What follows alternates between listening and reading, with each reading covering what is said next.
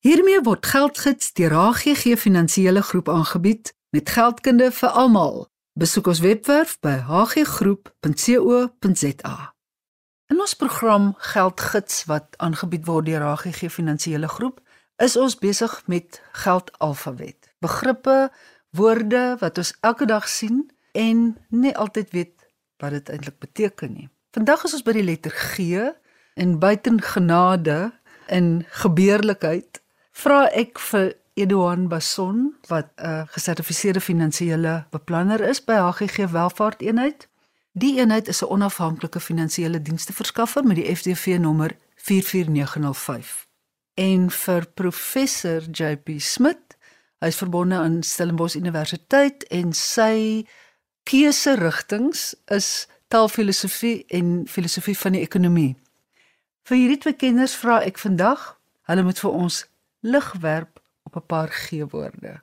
Welkom Edwan. Dankie Mariet en uh goeiemôre aan die luisteraars.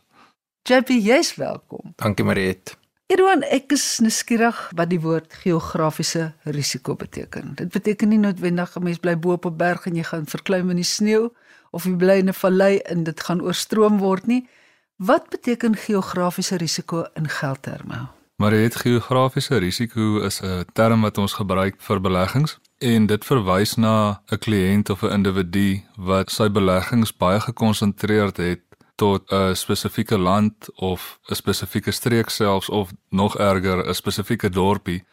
As 'n praktiese voorbeeld, iemand wat 'n paar huureiendomme of beleggingseiendomme het, maar net in een klein dorpie in die Noord-Kaap het 'n baie hoë geografiese risiko want hy is blootgestel aan die politieke omstandighede in daardie dorpie en die ekonomiese aktiwiteit in net daardie dorpie. So geografiese risiko is wanneer 'n individu se beleggings nie goed gediversifiseer is tussen verskeie lande of streke of industrieë as sulks nie. So is baie belangrik wanneer jy 'n belegging saamstel om nie net jou belegging ten volle as 'n voorbeeld bloot te stel aan Suid-Afrikaanse maatskappye nie mm. en Suid-Afrikaanse politiek nie. Ja.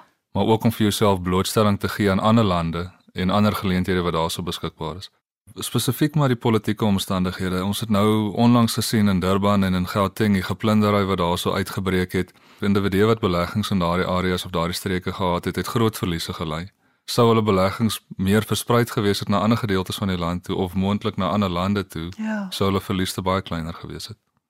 JP, jy het in ons vorige reeks by Geldgids het ons vir jou gevra wat is geld? Om dit baie kortliks op te som, het jy gesê geld is 'n ruilmiddel, nie net vir materiële eiendom nie, maar ook vir sosiale aansien. En geld is eintlik emosioneel ook nog meer as dit. Jy weet jy kry byvoorbeeld gewetensgeld as jy dit in die woordeboek naslaan, is dit geld wat iemand gewoonlik anoniem betaal omdat sy of haar gewete hom of haar ten gevolge van 'n vroeëre misdaad, 'n uh, diefstal of 'n pligsontduiking pla. So dan betaal jy gewetensgeld, maar gewoonlik anoniem. Gaan jy terug om dit te vereffen. Bloedgeld is 'n beloning vir 'n misdaad of dis wanneer min geld vir swaar werk betaal word of geld wat op 'n onbarmhartige wyse verkry is soos byvoorbeeld deur kinderarbeid, dan is daar 'n baie interessante, boeiende praktyk en dis genaamd geldwasery. Watter soort reinigingsmiddel gebruik jy om geld mee te was? Wel, ehm um, geld het nie 'n gewete nie. Dit is ongelooflik wat mense kan doen daarso. So geldwasery beteken basies dit geld waar jy op een of ander mate moet jy die oorsprong daarvan wegsteek en jy verander dit in geld wat jy nie meer die oorsprong weg te steek nie. So jy vat iets wat ehm um, simmers van ons luisteraars wat aktief betrokke is in die dwelmbedryf en nou baie baie geld verdien dit so. Ja. Nou wil hulle op 'n stadium begin daardie geld gebruik om karre te koop, huise te koop so aan. Maar dan is jy natuurlik bang beide vir die gereg en tot 'n mate ook die ontvanger van inkomste. Dis met ander woorde warm geld waarvan jy nou praat. Presies warm geld wat jy probeer afkoel. Nou, daar's verskillende variante hier van die tradisionele een is maar en is op relatiewe klein skaal. So die maklikste ding om te doen is het een of ander vorm van 'n kontant besigheid en die kontant besigheid hoef nie wins te maak nie want eintlik hoef die kontant besigheid net daarmee geld te was. So in die oorspronklike gebruik is om 'n wasery te open. So jy het 'n klomp wasmasjiene. Mense kom gebruik jou wasmasjiene, hulle het muntautomate, hulle betaal met jy weet rande, sente wat ook al en dan vat jy jou warm geld en jy meng dit daarbey in en op die boeke verklaar jy dit asof dit geld is wat jy gekry het vanaf jou kliënte. Die groot ding van so 'n tipe bedryf natuurlik is jy het geen rekord van jou kliënte of wie hulle is of hoeveel was daar of so nie. So die kans dat die ontvanger ooit optel dat hierdie geld van 'n um, slegte oorsprong is, is rofweg 0. Ehm um, en enige bedryf, ek meen jy kan dink aan 'n klein restaurant, jy kan dink aan 'n kroeg, hierdie tipe goed het altyd daai opsie. Soms mense rondloop en jy weet, elke dorp het mos daai een pizza plek wat nooit enige kliënte het nie, maar die ding bestaan al vir 10 jaar. Soms begin 'n mens wonder juis, is dit eintlik meer van 'n geldwasery hierso wat hulle enorme winste verklaar, maar dan is dit legitieme winste eerder as wat dit 'n sukkelende pizza plek is, is dit dalk 'n fantastiese um, bedryf van 'n ander tipe aard. Ja. Gestel iemand het nou warm geld. Wat maak jy met sê net maar 600 000 rand wat jy met 'n gekonkel in die hande gekry het? Daai kontant, wat doen jy met daai kontant? Want as jy dit in 'n bankrekening gaan betaal, dan skreeu daar 'n alarm. Wat doen jy met daai kontant? Maklikste met klein bedrae natuurlik is net om jou alledaagse uh, onkoste so te betaal. Jy koop jou alledaagse onkoste so aan. Probleem is jy gaan lank vat om 600 000 of 2 miljoen rand of so uit te gee. So dan gaan jy nou hierdie tipe variant wat ek vroeër gestel het. Ander interessante opsie en dis selfs al is die geld legitiem, maar jy wil dit vir die ontvanger wegsteek. Ehm um, mense doen goed soos byvoorbeeld hulle betaal ambagsmanne kontant om te werk in hulle huise. Ja en dan word die huis al hoe meer werd en wanneer jy die huis eendag verkoop, dan verkoop jy huis vir baie meer. Nou dit is nie iets wat ooit realisties gaan opgetel word teen enige autoriteit nie. En maar die groot voordeel dan natuurlik is dan betaal jy net kapitaalbelasting daarop en nie inkomstebelasting nie. So daar's al hierdie triks wat mense al stories oor alle kulture waarvan ons bewus is wat belasting het, uh, probeer uitwerk. Het jy nou al op iets baie vindingryk afgekom? Daar's baie vindingryke goed. Die kunsmark is grootliks daar betrokke. Histories is daar nie vreeslike uh, statutêre riglyne oor die verklaar van die koop-verkoop van kuns ensovoorts nie. So kom ons sê byvoorbeeld, ehm um, ek het 10000 rand. Wel, ek maak 'n kunswerk en ek sê die persoon het my gekoop vir 10000 rand. Solank ek redelik ehm um, geloofwaardig is, sê ek ten minste skep vir my 'n bietjie van 'n webwerf, gaan na 'n paar uitstallings toe, kry my foto en 'n paar dinge die wonderwerk van kuns is die ontvanger genooi daar staan en sê hierdie is nie 10000 werd nie. Hulle het nie regtig kunskenners wat daarso is om hierdie te sê nie en selfs kunskenners vir nie sê wat iets werd is nie. Maar wat mense doen byvoorbeeld die ander opsie is ehm um, ek koop 'n kunswerk by iemand mm -hmm. en 'n regte legitieme kunswerk vir 10000 rand. Ja. En dan kom koop iemand anders by my vir 100000. Want eintlik ek gee vir hulle die 90000 onder die tafel om vir my te gee en ek het geen rekord van wie hulle was nie. En dit is redelik normaal. Baie kunswerke verhandel sonder dat mense enige regte rekord het. En dan wat ek omdraai en doen, dis wat baie baie dikwels gebeur. Mense gaan dan na die bank toe en probeer 'n lening kry met daardie kunswerk as die sekuriteit vir die lening. So ewe skielik het jy 'n lening vir sê maar 100 000 rand en daaroor gaan geen uh, eh, wetlike autoriteit ooit enigsins kla nie.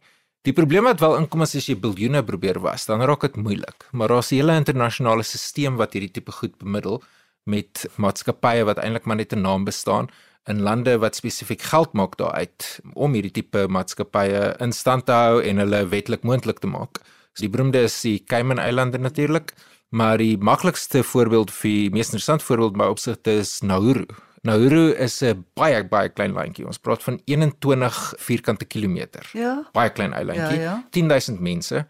Hulle het 'n probleem gehad vir baie lank, so hulle was ryk, toe hulle dit alles sleg gebruik dis verkwis. Toe het hulle basies besluit maar ons is 'n land so ons kan banklisensies uitreik. En het letterlik geadverteer, jy kan vir ek dink roweg dit was R90000 rand. Kan jy basies aansoek doen vir 'n banklisensie en dan word jy 'n bank in Nauru en dan sit nog R80000 rand per jaar om hierdie bank in stand te hou.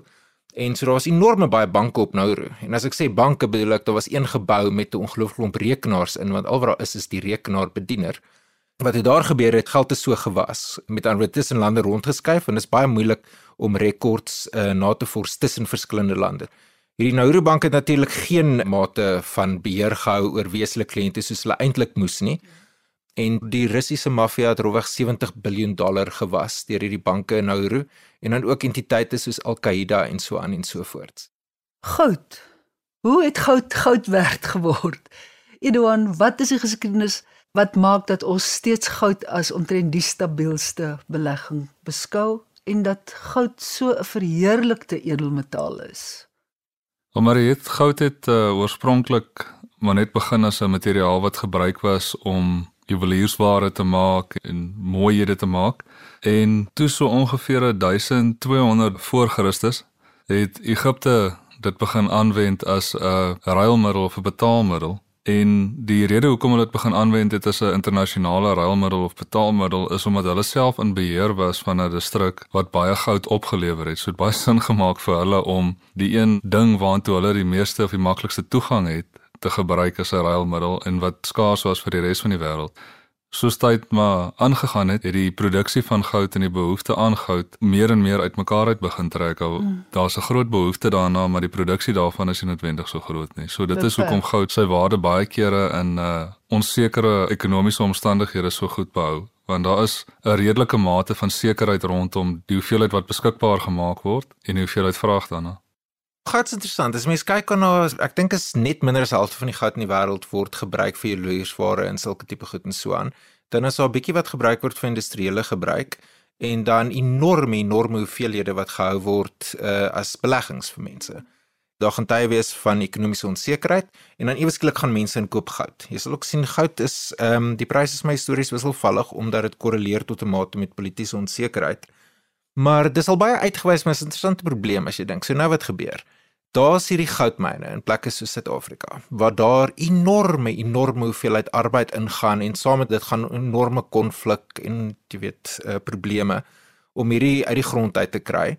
Dan word dit immers gekoop vir skeep tipies oor see en dan wat daardie entiteite doen, sê maar ons dink is 'n regering wat goud het as 'n staatsreserve, dan dit terug onder die grond in 'n reuse ondergrondse kluis word dit geberg. En dis nie duidelik dat dit regtig vreeslik baie sin maak nie om al hierdie konflik en arbeid te verspil om die goed van een ondergrondse plek na 'n ander grondse plek te neem nie. Dis baie dinge om te doen om net hierdie goed uit die grond uit te haal. Dit klink nie heeltemal sinvol nie. Warren Buffett het eendag gesê, aan die een kant kan jy nou hierdie koop. Jy het hierdie goed, dit doen niks nie. Dit lê net daarso ondergronds en dit word bewaak teen byvoorbeeld aandele waar jy nou belê in die produktiewe kapasiteit van die mensdom en dink wat alles daaruit vooruit sprei. Dis hoekom hy sê hy is ongeïnteresseerd in goud en ek dink ons iets te sê vir daardie siening. Wat is die goudstandaard? Goudstandaard is histories gebruik soos Edwin gesê het goud dikwels ruilmiddel gebruik. Later vir praktiese redes het mense nie meer die goud self geruil nie, maar het uh, bewyse van die besit van die goud of die eienaarskap van die goud geruil op iets wat later banknote geword het elke banknoot is gekoppel aan hoeveelheid goud en in beginsel is jy geregtig geweest om op te daag en dit om te ruil vir die goud. Ehm um, die laaste groot land wat afgeskaf het, Amerika het 1971 het hulle die goudstandaard laat val, Brittanje en so voor dit. So dis vir rede van monetêre beleid dat regerings um, van die goudstandaard afgestap het. Edouan en JP, julle inligting oor die letter G was nou letterlik goud werd. Volgende week praat ons oor begrippe en woorde wat met die letter H begin. En dit gaan nie hout wees nie. Baie dankie. Geldgids word geborg deur HGG Finansiële Groep. Kontak ons gerus by info@hggroep.co.za of 021 851 2778. Dit maak nie saak hoe oud jy is nie. Die HGG Finansiële Groep stap die pad saam met jou. As jy meer as die alledaagse verwag vir advies oor omvattende finansiële behoeftes, lewer ons diens wat jou pas. Ons bied innoverende en toekomsgerigte finansiële dienste met die klem op persoonlike kontak. Dis die verhouding tussen ons en jou wat tel. Kontak jou naaste kantoor vandag nog om uit te vind hoe jy die voordele van 'n HGG leefstyl kan geniet. HGG Welvaart is 'n gemagtigde finansiële dienste verskaffer.